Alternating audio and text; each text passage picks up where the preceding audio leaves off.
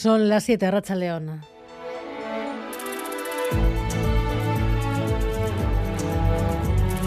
Gambara con Arancha García.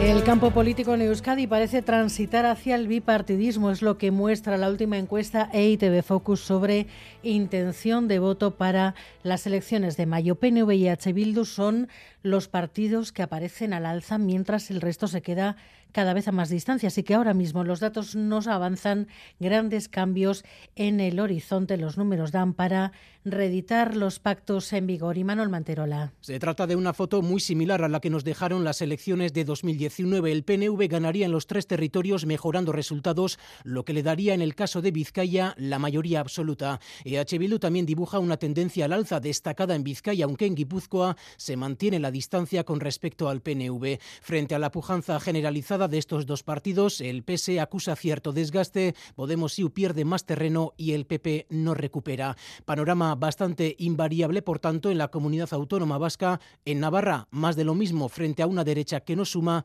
Chivite podría repetir como presidenta. Bueno, pues luego veremos también las primeras reacciones ante esta encuesta. A las 8 de la tarde ya les avanzó que entrevistamos también aquí en Gambara al secretario general del Partido Socialista de Euskadi, a Eneco Andueza.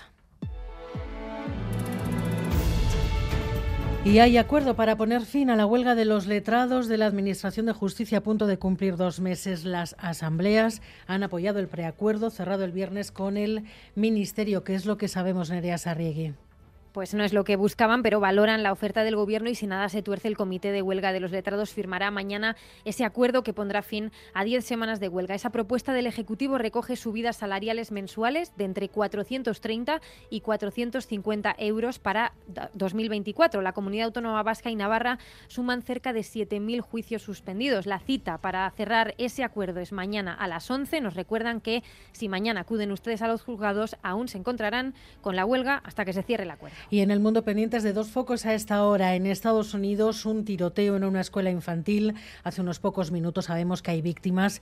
¿Qué más, Gary Suárez? Bueno, pues todavía no hay mucha información. Lo que sabemos es que el Departamento de Bomberos de Nashville ha avisado por Twitter hace poco más de una hora que estaban dando respuesta a un ataque con arma de fuego en The Covenant School, una escuela cristiana de la localidad.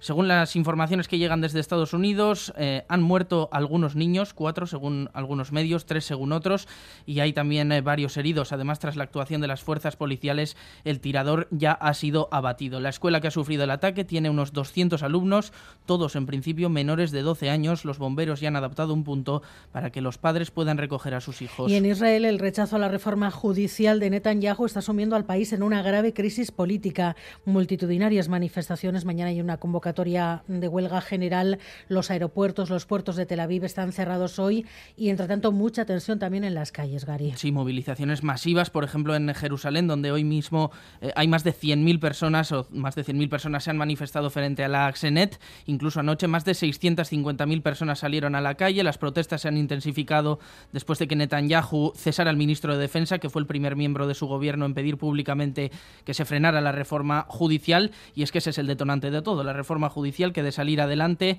por ejemplo, daría al gobierno control total sobre el nombramiento de jueces, incluido los Tribunal Supremo.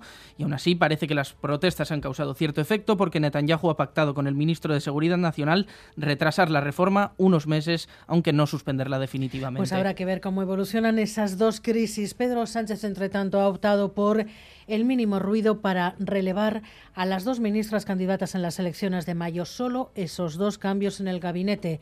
Los obligados José Manuel Miñones y Héctor Gómez serán los nuevos ministros de Sanidad e Industria. Los nuevos ministros conocen muy bien los ámbitos donde ahora desempeñarán sus tareas, les avala la experiencia y sus cualidades. Con estos nombramientos, el Gobierno afrontará la recta final de la legislatura. Y en carreteras, precaución en estos momentos en la N240 a la altura de Gamarra, sentido Gasteiz. La carretera está cortada debido a una mancha de gasoil. Se está limpiando, el tráfico está desviándose entre tanto por la A1 y los deportes. John Zubieta, Rachaldeón. Hola, Rachaldeón. Empezamos por pelota porque siguen todavía resonando los ecos por la lesión de Tolosa en el partido del Frontón Vizcaya y además Euskal Herria toma parte en el Mundial de Pelota que se celebra desde hoy en Alcira. En el Atleti una buena noticia ya que Ander Herrera se ha reintegrado al grupo, mientras que Chimi Ávila sigue haciendo trabajo específico en Osasuna. En balonmano, el Vidasoa se la juega mañana, se la juega de su paso a los cuartos de final de la European League ante el Sporting de Portugal con tres tantos de ventaja tras el partido de ida. Y por último, el Vasconia se mide mañana en el Buesa Arena al Alba Berlín en la competición europea en el inicio de un tramo muy exigente con cuatro partidos en diez días.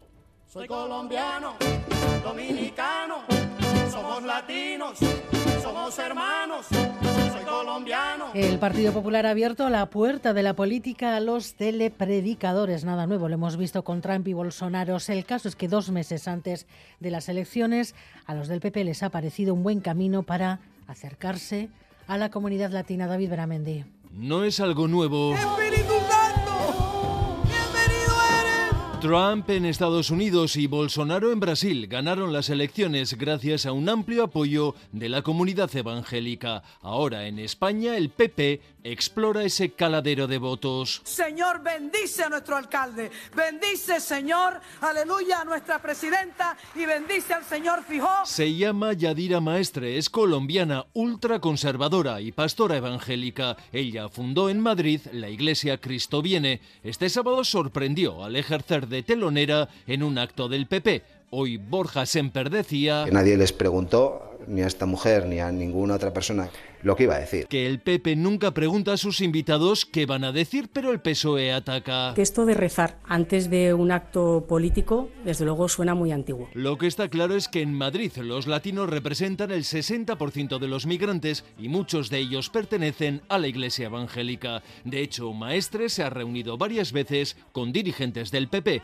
En su iglesia se comunica con Dios, advierte a sus fieles sobre el diablo. Pero no busque del diablo, de la gente endemoniada. Y hasta sana enfermos milagros como este. Yo he venido a la iglesia cojeando con el pie de lado.